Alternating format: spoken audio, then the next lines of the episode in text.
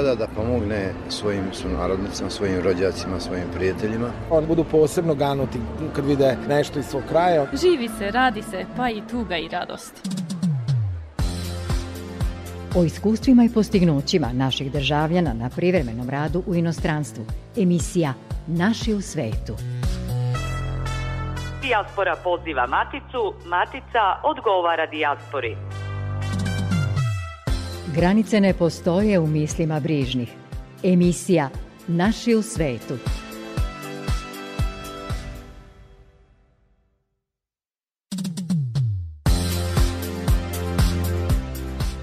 Dobro vam veče, poštovani slušaoci. Večeras je za jedan deo naših državljana, bilo da ste u Matici ili u Rasejanju, Banje veče, pred sutrašnji Božić po Gregorijanskom kalendaru.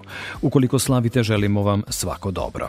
Ukoliko ste se pak uputili prema Srbiji za praznike, korisno je da znate da je saobraćaj pojačan na svim graničnim prelazima sa Mađarskom.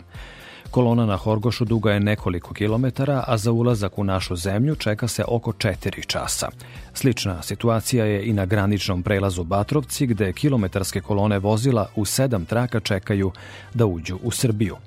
Ukoliko praznike želite da dočekate u matici, obaveštavamo vas i da epidemijske mere nalažu da se u ugostiteljske objekte nakon 20 časova može ići samo uz COVID potvrdu. Ukoliko putujete, želimo vam srećan put i dobrodošlicu u Srbiju. Večeras u emisiji o projektu osnaživanja povratničkih porodica u BiH, zatim priznanjima Matice iseljenika koja su dodeljena našim umetnicima u svetu. Čućete i čime su zaokupljene dve profesorke srpskog jezika u Italiji i Švajcarskoj i kome su namenile svoje stihove u Matici.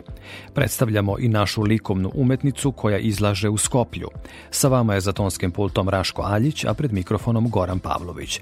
Dobrodošli na talase Radio Novog Sada.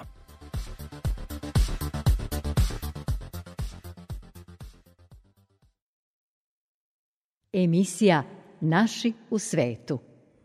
U okviru projekta ekonomskog osnaživanja povratničkih domaćinstava u Federaciji BiH, u Bosanskom Petrovcu je uručena pomoć za 35 porodica koje se bave poljoprivredom. Ministar spoljnih poslova Srbije Nikola Selaković i direktor uprave za saradnju s dijasporom i Srbima u regionu Arno Gujon uručili su ugovore o donaciji 35 steunih junica, a šef srpske diplomatije je poručio da šaljemo poruku ljubavi, mira i solidarnosti i da tom pomoći pokazujemo da možemo da uradimo nešto dobro za običnog čoveka.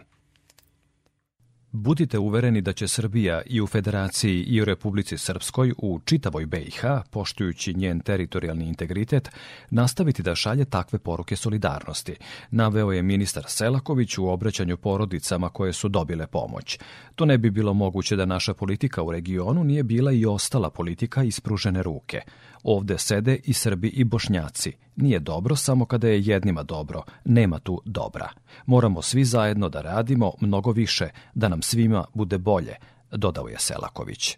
Danas će ovde ugovore dobiti 35 porodica.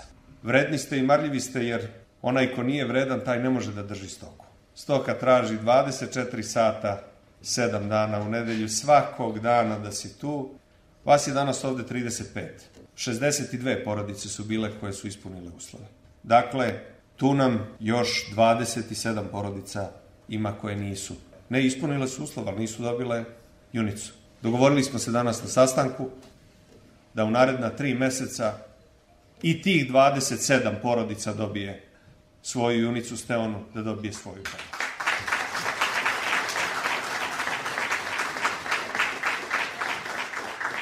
I to što smo se dogovorili, evo, odbrojavajte nam od danas tri meseca, to ćemo da se potrudimo i da ispunimo, baš kao što smo se dogovorili oko ove pomoći i tako što smo je realizovali.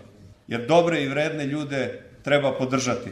Druga stvar koju smo se dogovorili jeste da pokušamo da ovako nešto uradimo ne samo u Petrovcu, da vidimo i u Sanskom mostu možemo li nekom da pomognemo, da vidimo možemo li da pomognemo nekome u Drvaru, Grahovu, Glamoču, da ćemo sve one ljude iz krajine, kojih je mnogo u Beogradu, u Novom Sadu, kojih je mnogo po belom svetu, od kojih su mnogi uspešni u svom poslu, u svom biznisu kojim se bave, da ih motivišemo i da pokažemo. Ako je Srbija mogla da da ovako nešto, dajte neka i svako od vas da po nešto malo. Pa ćemo podržati ovde dobre ljude koji su se vratili, i Srbe i Bošnjake, da ovde ostanu, opstanu i da žive. Direktor Uprave za saradnju s dijasporom i Srbima u regionu Arno Gujon rekao je da je uprava pokrenula projekte ekonomskog osnaživanja srpskih povratničkih porodica u Federaciji BiH u ukupnoj vrednosti 9 miliona 162 hiljade dinara. Podrška srpskim domaćinstvima koja se bave stočarstvom i poljoprivredom ima za cilj stvaranje samoodrživih porodičnih ekonomija. Prvi cilj je da njihovi kapaciteti u potpunosti ispunjavaju potrebe porodice, a drugi cilj je da se višak plasira na tržište, rekao je Gujon. Naš konačni cilj je da bude formirana zadruga koja bi okupila sve te ljude, sve te srpske poljoprivrednike i da im olakša rad i život. Verujem da vam je svima dobro poznata ta izreka. Daj čoveku ribu i nahrani ga za jedan dan. Nauči ga da je lovi i prehranit ćeš ga za ceo život. Da li se radi o kineskoj, indijskoj, španskoj, neki kažu i francuskoj izreci stvar je sporna. Ali ono što svakako nije sporno, to je njena istinitost. Nažalost, najveći deo humanitarnih projekata na svetu su usmereni baš ka tome da daju tu ribu ljudima. A tek mali deo je usmeren na osposobljavanje ljudi da sami love.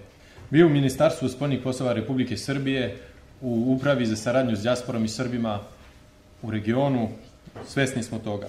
Nesporno je da povratak proteranih Srba na svoja vekovna ognjišta i njihov ostanak najviše zavise od ekonomskog opstanka, ali i od mogućnosti prosperiteta i perspektive života dostojnog čoveka. Ali veoma brzo smo uvideli da razvijanjem farmi, razvijanjem mlekara i malih fabrika time rešavamo mnogo više probleme nego donošenjem čiste humanitarne pomoći. Zato što ljudi su vredni i zaslužuju da žive od svojih ruku od svog rada, a ne od humanitarne pomoći. Podrška srpskim domaćinstvima koja se bave stočarstvom i poljoprivredom ima za cilj stvaranje samoodrživih porodičnih ekonomija. U ovaj projekat uloženo je 2 miliona dinara, a obuhvaćeno je 40 domaćinstava sa preko 140 članova. U Grahovu smo sredstvima Republike Srbije obezbedili pčelarsku opremu u iznosu od milion dinara. Pomoć će povratnicima čija egzistencija zavisi od proizvodnje meda, poslužiti da u ovom delu federacije, u ovom ekološki besprekornom području, proizvode organski med. Za treći projekat, koji se radi preko Centra za podršku povratnicima iz Bosanskog Petrovca, izdvojili smo 6 miliona 162 hiljade dinara za kupovinu steonih junica. Lično, veoma me raduje činjenica da su svi ovi projekti, svi, usmereni na ljude koji već rade na poslovima sa kojima su se prijavili na konkurs. Na, ljudi, na ljudi koji već proizvode. Ova pomoć je jasan znak da njihova matica, njihova Srbija, naša Srbija, misli i brine o njima, o njihovoj sudbini i dobrobiti. Da je pomoć za 35 porodica u Bosanskom Petrovcu od velikog značaja, potvrdio je i Nemanja Davidović iz tamošnjeg centra za podršku i pomoć povratnicima. On je naveo da je to drugo najveće ulaganje Republike Srbije u tu opštinu. Prije dvije godine kada sam došao na ideju da osnovimo udruženje povratnika, tada nisam ni sanjao ovaj trenutak, da budem iskren. Ja ću vam sada ispričati, iako to možda nije, nije ni potrebno i nije ni praksa, dakle, taj trenutak kada ja a tu su moji roditelji, predlažem mojim roditeljima da osnovim to udruženje, kada moj otac govori 25 godina da niko od rata nije pomogao, eto ti ćeš sad. Centar za podršku povratnicima je prije svega jedna mlada ekipa a, koja je skupila hrabrost koju mnogi stariji od njih nisu uspjeli. Dakle, radili smo evo na ovom projektu, da kažem danonočno, da realizujemo ovo sve kako valja, kako treba. A, ova slika koju ja trenutno vidim mi govori da smo i to dobro radili i da, i da će ovo tek da krene i tek da živi a trebamo vjerovati da je ovdje život moguć, da je ovdje opstanak za naše stanovnike i za Srbe i za Bošnjake u Bosanskom Petrovcu moguć i da zajedno možemo raditi da postaknemo te uslove. Ovdje, među korisnicima koje je centar odabrao da dobiju junicu, dakle, nalaze se i srpske i bošnjačke porodice. I uvijek će to tako biti jer centar za podršku povratnicima neće nikad izdvajati ljude po, po grupama, po skupovima i nekim drugim stvarima, jer to nije politika koja vodi dobrom i to nije politika koja će sigurno doneti dobro. Drago nam je što je, što je, da kažem, naš Nikola tu, što je ispunio obećanje koje je dao u Drvaru da će doći i nadam se da će posle ove posjete da neće čekati dugo vremena da nas ponovo obiđe, da neće čekati da, da možda pozove i neke druge nama dragi gosti i dragi prijatelji koji bi rado vidjeli ovdje u Bosanskom Petrovcu, da nam dođu upravo u Bosanski Petrovac. Svaka posjeta ovog značaja znači a, prije svega nama koji radimo ove projekte da imamo podršku. Zaista znači mnogo nama jer to je samo znak da trebamo nastaviti naprijed, da trebamo raditi i dalje da poboljšamo uslove za povratnike ovdje u Bosanskom Petrovcu. I ja vam mogu obećati samo jedno. Budite sigurni da će to biti u nastavku, odnosno u daljem periodu i budite sigurni da će to biti još više i još jače. Hvala vam puno. I najteža muka je lakša kada imate prijatelje, a naši prijatelji su država Srbija, ministar Selaković i Arno Gujon, zaključio je Davidović. Putanja koja povezuje postoji, treba je samo utabati. Emisija Naši u svetu. Matica iseljenika i Srba u regionu uručila je u Aeroklubu u Beogradu nagrade i povelje za doprinos stvaralaštvu na srpskom jeziku, koje su ustanovljene još 1996. godine.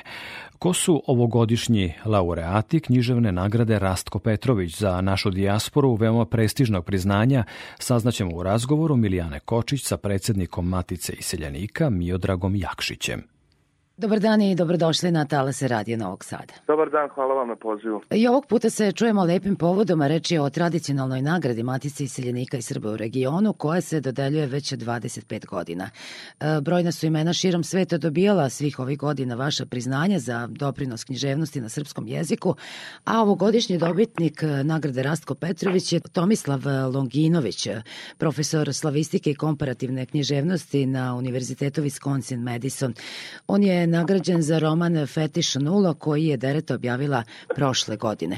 O kakvom je delu reč, odnosno kako je žiri obrazložio svoj izbor? Pa da vam kažem, e, profesor Longinović je već dugi niz godina značajna ličnost naše književne scene i inostranstvu. Ono što je opredelilo ovaj put e, našu komisiju jeste upravo to što je on na neki način se sada još više približio našoj književnosti, odnosno saradnji sa našim ljudima ovde, s našim institucijama i polako spakuje kofere i vraća se ovde i prisutnije i na književnoj sceni i lično i sa svojim delima. Štivo je tako da faktički to su kao komunikacije SMS-om i neka, nekom vrstom kratke priče i razgovora među likovima, tako da i kroz to je ovaj roman zanimljiv, čita se brzo, lako i veoma je savremen, znate, i on ovaj dosta se vidi da je upućeni u savremene tehnologije, savremenu inform, informatiku, kibernetiku, tako da i kroz to vidimo njegovu upućenost ka, ka ovaj, novim trendovima i novim načinom pisanja romana. Nagrada za životno delo pripala je Katarini Kostić iz Toronta koja je živeći i stvarajući najpre u Parizu, a potom i decenijama u Torontu, e, gde i danas, e, ostavila veliki trag u književnosti na srpskom jeziku, ali ne samo to, već i u mnogim drugim oblastima, pre svega u novinarstvu, a onda i na polju okupljanja, posticanja i promocije naših umetnika u Kanadi kroz jedno udruženje koje je osnovala. Ukratko za one koji nisu čuli za Katarinu Kostić, šta obuhvata njeno više istorijsko pregalaštvo na polju naše kulture i umetnosti? E, pa to delo je izuzetno bogato i nema ovaj polja u Kanadi koje Katarina Kostić nije dodirnula mislim i na novinarstvo i na samu književnost, onaj prozni pisac, e, piše i poeziju. Ono što je zanimljivo, ona je veliki hroničar, značajan hroničar e, naših ljudi u Kanadi pre svega. Ona je objavila nekoliko kapitalnih knjiga koje govore o životu i delima naših ljudi u Kanadi na neki način približila je te ljude javnosti. Vukla ih iz anonimnosti i predstavila njihov život i delo, a to su značajni ljudi i to je po meni e, velika značajna građa koja će izučavaocima naše kanadske dijaspore u budućnosti biti neverovatno važna i potrebna, tako da ona je u tom pogledu jedan vrsta, neka vrsta književnog pionira u Kanadi, ne samo što je osnovala udruženje Desanka Maksimović, nego je i prva pisala o našim ljudima koji žive i rade u Kanadi. Prosto je nezamenljiv faktor ovaj, te vrste komunikacije sa našim ljudima. Mislim da ona na, zna najveći broj naših ljudi u Kanadi u ovom trenutku. Da, jedna je od saradnika e, novina Toronto. Pa jeste i novina Toronto i kako da ne, ona je u Parizu započela svoju, da tako kažem, akademsku karijeru posle diplomiranja u Beogradu. Radila je u ovom enciklopedijskom ogranku Alfa u Parizu i na taj način je krenula, da tako kažem, u književni svet pišući članke ovaj, za tu veliku francusku kompaniju, tako da je i kroz taj neki pripravniči, da kako kažem, staž ušla u, u formu i u suštinu kako se rade i leksikoni i rečnici, enciklopedije, što je kasnije ona iskoristila da kroz takav način predstavi naše ljude u Kanadi. Ali i beletristika njena je vrlo kvalitetna i poezija i proza i nekako Katarina Kostić je prethodnih godina kada su dodeljivane ove nagrade, da tako kažem, ugubila u nekako u finišu u tom nekom preglasavanju članova uh, žirija, ali ovaj put je prosto uh, njeno delo, posebno sada kada eto ova uh, pandemija širom sveta i kada se sve nekako ovaj, rešava online i kada nije dolazila, onda smo nedost, videli koliko nam ovde ona u Srbiji nedostaje a ona inače redovno dolazi u Srbiju. Matica dodeljuje i nagrade u drugim kategorijama kao i povelje zaslužnima za dostignuće u više oblasti. Da. Koje i ko su ovogodišnji laureati? u četiri kategorije su nagrade Rasko Petrović za poeziju je dobio srpski pisac iz Pariza Vlasta Stanistavljević Šarkamenac za zbirku pesama da Koča i za knjigu za, za decu, književnu za decu dobio Vid Vicko Lukelić iz Banja Luke, jedan sjajan uh, pesnik srednje generacije, veoma zanimljiv, tražan i kvalitetan, koji neumorno gotovo iz dana u dan obilazi uh, škole i prezentuje svoju poeziju i razgovara sa decom širom Republike Srpske i Srbije, pre svega i širom regiona.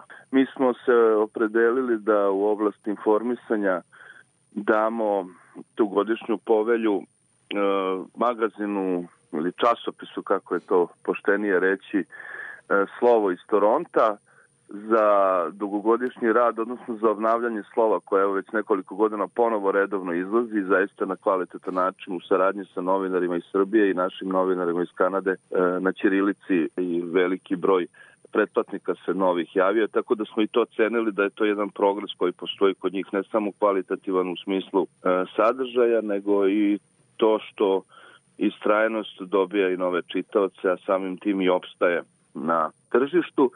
I u kategoriji muzike to je kantautor i profesor filozofije iz Radoviša iz Makedonije Jovica Ilić koji je zaista sjajan i muzičar i autor i pedagog i čovek tako da smo cenili tu njegovu posvećenost i muzici i veri i uopšte umetnosti sve, u, sve ukupnoj s obzirom da kažem on i kao pedagog prenosi na decu. Pored istraživanja klasične i sviranja klasične muzike e, veoma dobro i kvalitetno radi i sa muzikom e, liturgijskom, tako da približava kroz gitaru i svoje nastupe upravo i te neke liturgijske i verske teme. Evo pomenuli ste da ste neke ljude poput Katarine Kostić navikli da viđate češće, pa za kraj želim da vas pitam, jer se i nismo čuli dugo, kako funkcionišete u ovim e, pandemijskim e, okolnostima, odnosno da li uspevate u Matici da okupite naše ljude na koje ste navikli svih ovih godina?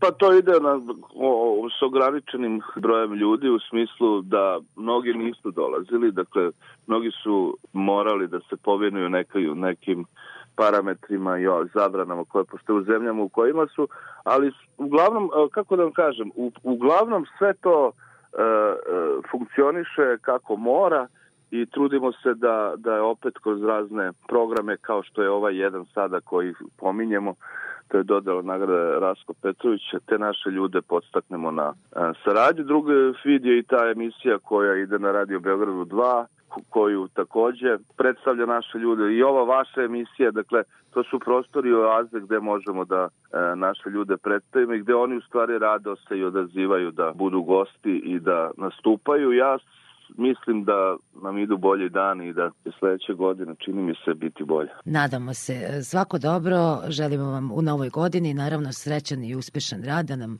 okupljate e, što više e, naših iz sveta u Matici iseljenika i Srba u regionu. Hvala.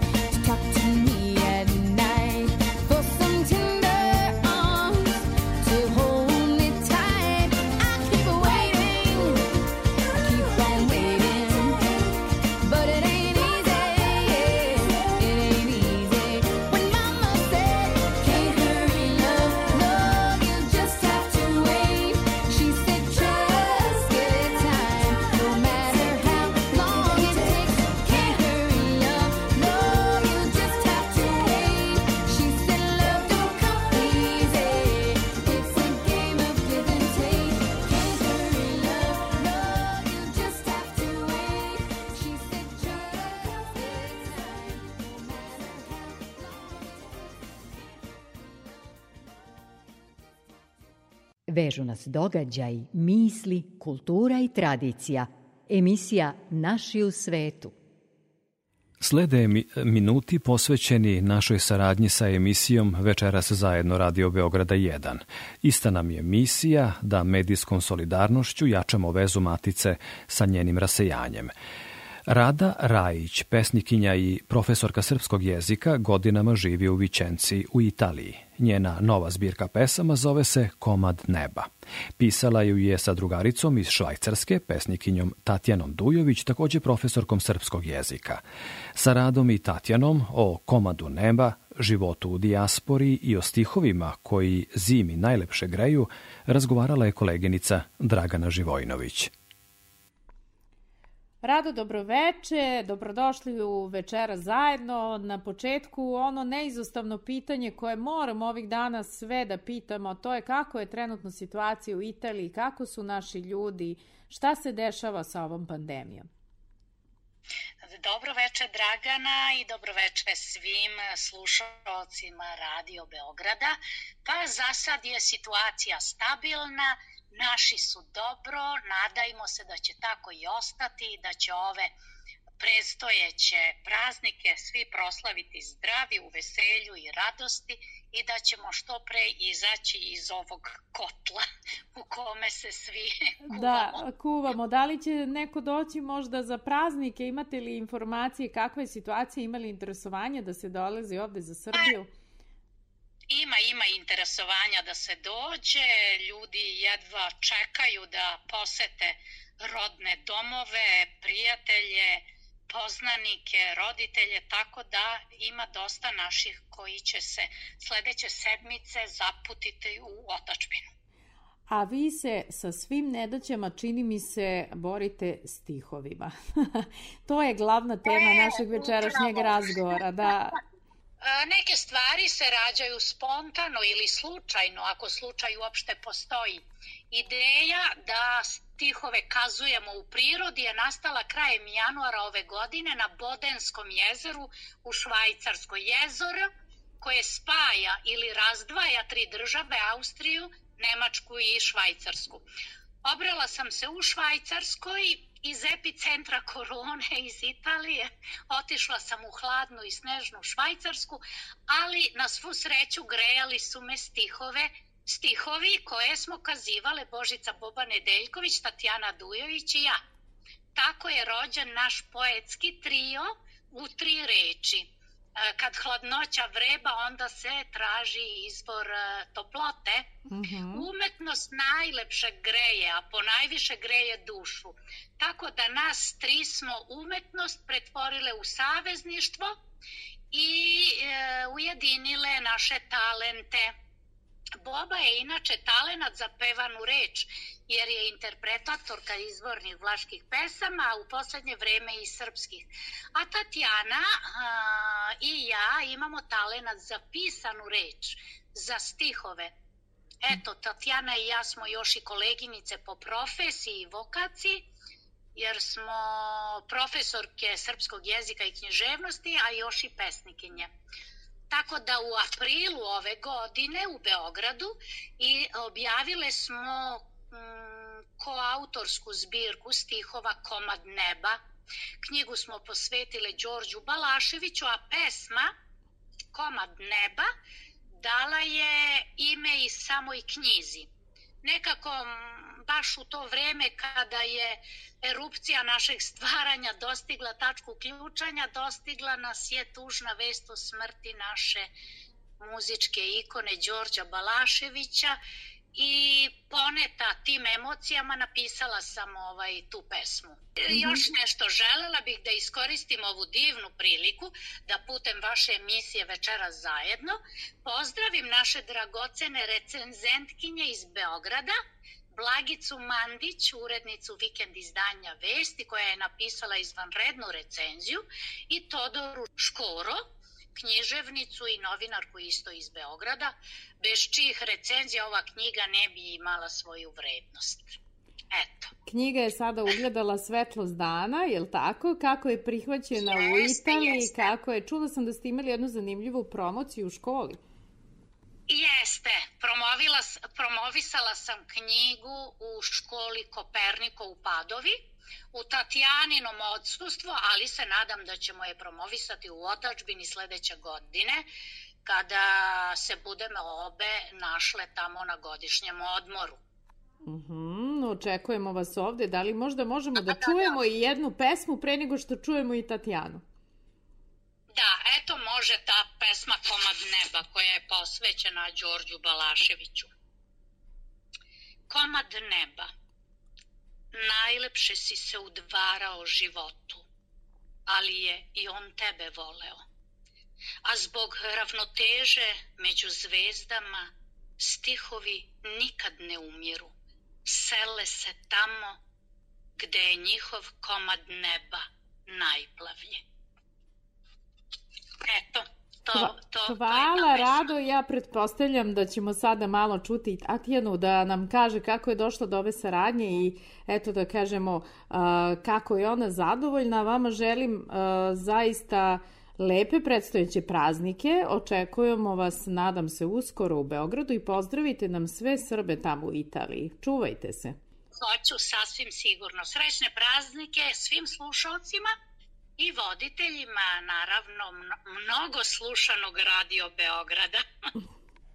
Tatjana, dobroveče i vama. Hoćete da nam kažete kakva je situacija sada u Švajcarskoj? Upravo smo pričali sa Radom kako spremaju se ovi praznici, nekako planiraju naši ljudi da dođu za Srbiju. Vi kažete da ste zavejani, ali da pretpostavljam situaciju u Švajcarskoj je uglavnom lepa kada pada sneg i vama nije tako teško ovde kao nama kada smo zavejani. Dobro veče. E, da, mi jesmo zavejani, ali ovde je malo drugačija situacija nego u Srbiji, jer ovde su se ljudi navikli na uh-huh. zimu, na sneg i mnogo su bolje organizovani, odmah se to čisti, sređuje se. E, ja svima govorim kako nikad u životu nisam videla da dođe kamion koji natovari sneg i odveze sneg. I onda sve je tako idilično, e, divan je pogled, na sva, gde god da se okrenete vidite onako pravu idiličnu zimsku sliku. E, ja nisam ljubitelj zime, mnogo više volim leto, pogotovo leto u Srbiji, ali polako se navikavam na tu idiličnu zimu koja je ovde onako baš pečatljiva. A recite mi, odakle ste vi iz Srbije? Malo recite, evo možda ako vi nemate ništa protiv, otkud u Švajcarskoj? Mi, naravno. Ja sam rodom iz Priboja na Limu, to je jedan mali gradić na granici sa Bosnom e, u Zlatiborskom okrugu, a u Švajcarskoj sam, u Švajcarsku sam došla jer sam se udala, moj suprug živi u Švajcarskoj već deseta godina, e, on je isto iz Srbije, iz zapadne Srbije i ja sam ovde pa otprilike možda ukupno godinu dana kako sam u Švajcarskoj i mogu vam reći da polako se navikavam na ovaj sistem i na ovaj život, ali Srbija mi mnogo nedostaje, jer uh, ko je rođen u Srbiji, ko je navikao na spontan život u Srbiji, na druženje, na uh, taj naš mentalitet srpski koji, gde su ljudi svi otvoreni, širokog srca, gde vas svako dočeka uh, otvorenih ruku, e, svakom ko je to doživeo u Srbiji i ko je svoje detinstvo proveo u Srbiji, dosta je teže da se navikne na ovu hladnu zemlju i na sistem života kakav je prisutan ovde. Ali ima dosta naših ljudi, što je jako pozitivna stvar, pogotovo u krugu pravoslavne crkve, ovde u St. Galenu, a i u drugim gradovima sigurno. E, da ima dosta ljudi pri crkvi koji su Srbi iz Bosne, iz Crne Gore, iz raznih krajeva i koji se drže zajedno i druže se i to, to je onako nešto jako pozitivno da se naši ljudi mnogo, drž, mnogo druže i mnogo pomažu ovde. I ja sam to doživela e, jer kad sam došla zaista nisam imala neki širok krug prijatelja, ali čim sam došla do naše pravoslavne crkve uh, i čim sam upoznala par ljudi u, u okviru crkve, odmah se tu krug prijatelja proširio. Naravno i Rada me je upoznala, naša Rada Rajic iz Italije, ona me je upoznala sa još nekim dragim ljudima I sada već se mnogo više radujem kad dolazim u Švajcarsku jer znam da ću imati sa kim da se družim, sa kim da porazgovaram, da, da, i da su to sve naravno naši ljudi koji su kao u Srbiji, onako baš e, dobronamerni, velikodušni, dočekaju nas sa osmehom. Hvala vam Svako... mnogo na ovom razgovoru. Hvala vama. Srcem i dušom mekšamo setu jedni drugima. Emisija Naši u svetu. U umetničkoj galeriji Mala stanica u Skoplju otvorena je izložba srpskih i makedonskih umetnika. Saradnja između institucija je dugogodišnja i imaju nekoliko zajedničkih projekata. O izložbi pod nazivom Privatnost u javnosti i o utiscam, utiscima umetnice iz Novog Sada koleginica Jelena Malenkova iz srpske redakcije Makedonskog radija.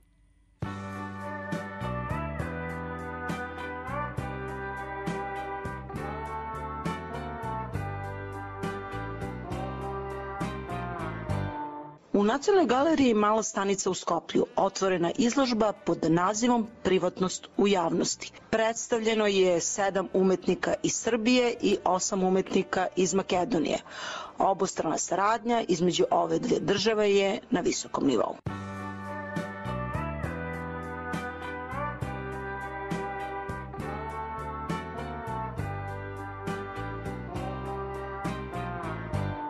Ja sam Svetlana Mladenov, e, kusto sam istoričar umetnosti, likovni kritičar i živim i radim u Novom Sadu. E, međutim, priredila sam izložbu naravno umetnika iz Srbije. Ja sarađujem već niz godina u stvari sa, pre svega sa Robertom Jankulovskim i njegovim e, makedonskim centrom za, za fotografiju. Takođe sa Nacionalnom galerijom Republike Severne Makedonije.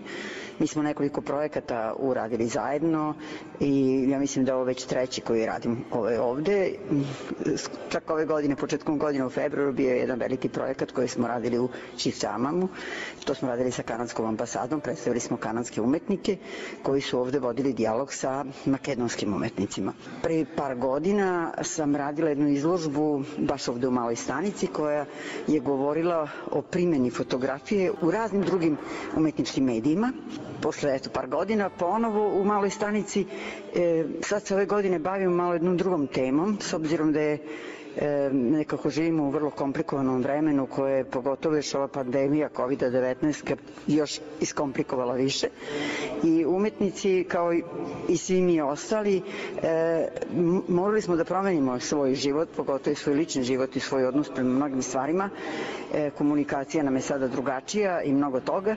Umetnici su senzibilna bića i naravno oni to još više osjećaju i e, pogotovo oni su umetnici koji se inače bave i koji više zanima ta tema koja je negde na tom odnosu intimnog i javnog i onda sam došla na ideju da napravimo jednu izložbu da vidimo šta je to e, šta iz te pozicije intimnosti e, nam umetnik pruža i e, umetnici u stvari su kroz svoju intimu i kroz te neke teme koje se tiču e, njih samih, njihovog doma, njihove porodice, prijatelja, okruženja bližeg svog grada i tako dalje.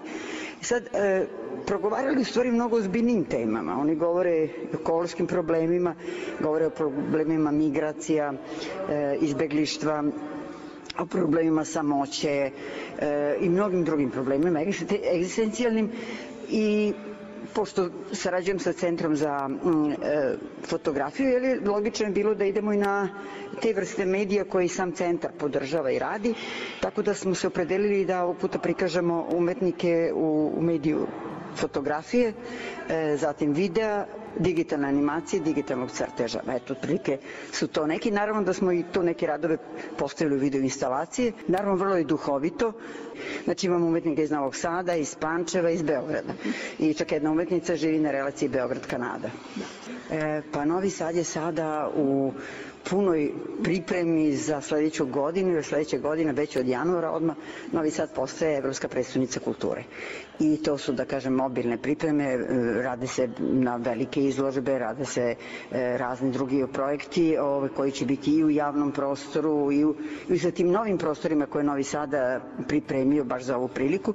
Otvara se čitava jedna, jedan deo grada koji se zove Kineska četvrt, koji je potpuno sada rekonstruisan i to sve će biti posvećeno kulturi. U stvari, tu ima jako puno i malih galerija, ima i veliki prostora izložbenih i za, prostora za neke multi, multimedijalne programe i tako dalje. Tako da tako da je vrlo, da kažem, uzbudljivo. Već su postavljen i časovnik u gradu koji odbrojava e, sate do, do početka nove godine, odnosno do, do početka eto, do, tog našeg statusa novog koji ćemo dobiti, a to je da budemo Evropska predstavnica kulture u toj godini. Tako da biće bogat program, ko nije bio u Novom Sadu želi da ga vidi ili je bio, ali eto davno, bilo bi lepo da baš u toj godini, kada je godina a, te kulture, da dođe, da biće zanimljivih programa. Inače, evo i naša, na primer, galerija našeg udruženja umetnika, Savez udruženja umetnika Vojvodine je vrlo aktivna pošto Novi Sad nema gradsku galeriju, nikad nekako tako nije došlo do, do toga da se to dogodi, i onda nekako ta galerija udruženja kao da je preuzela tu ulogu, nije velik prostor previše, ali je jako, jako ovaj, simpatičan, dobar i dobar program imaju i redovno se smenjuju programi, otvoreni su takođe za saradnju. Jedan sada od tih umetnika koji pripada tom udruženju i mislim da je sad i predsjednik udruženja bio nedavno u Skoplju izlagao Čifta Amamu, to je ovaj, Goran Despotovski. Eto, tako da svi smo nekako, da kažem, povezani, umreženi. Ja bih jako volila da povežem i to naše udruženje sa udruženjem ovde iz, iz, iz Makedonije, udruženjem umetnika i onda i oni bi mogli onda na toj osnovi da se rađuju, razmenjuju malo izložbe, što ne bi bilo loše, eto, da se upoznaju bolje.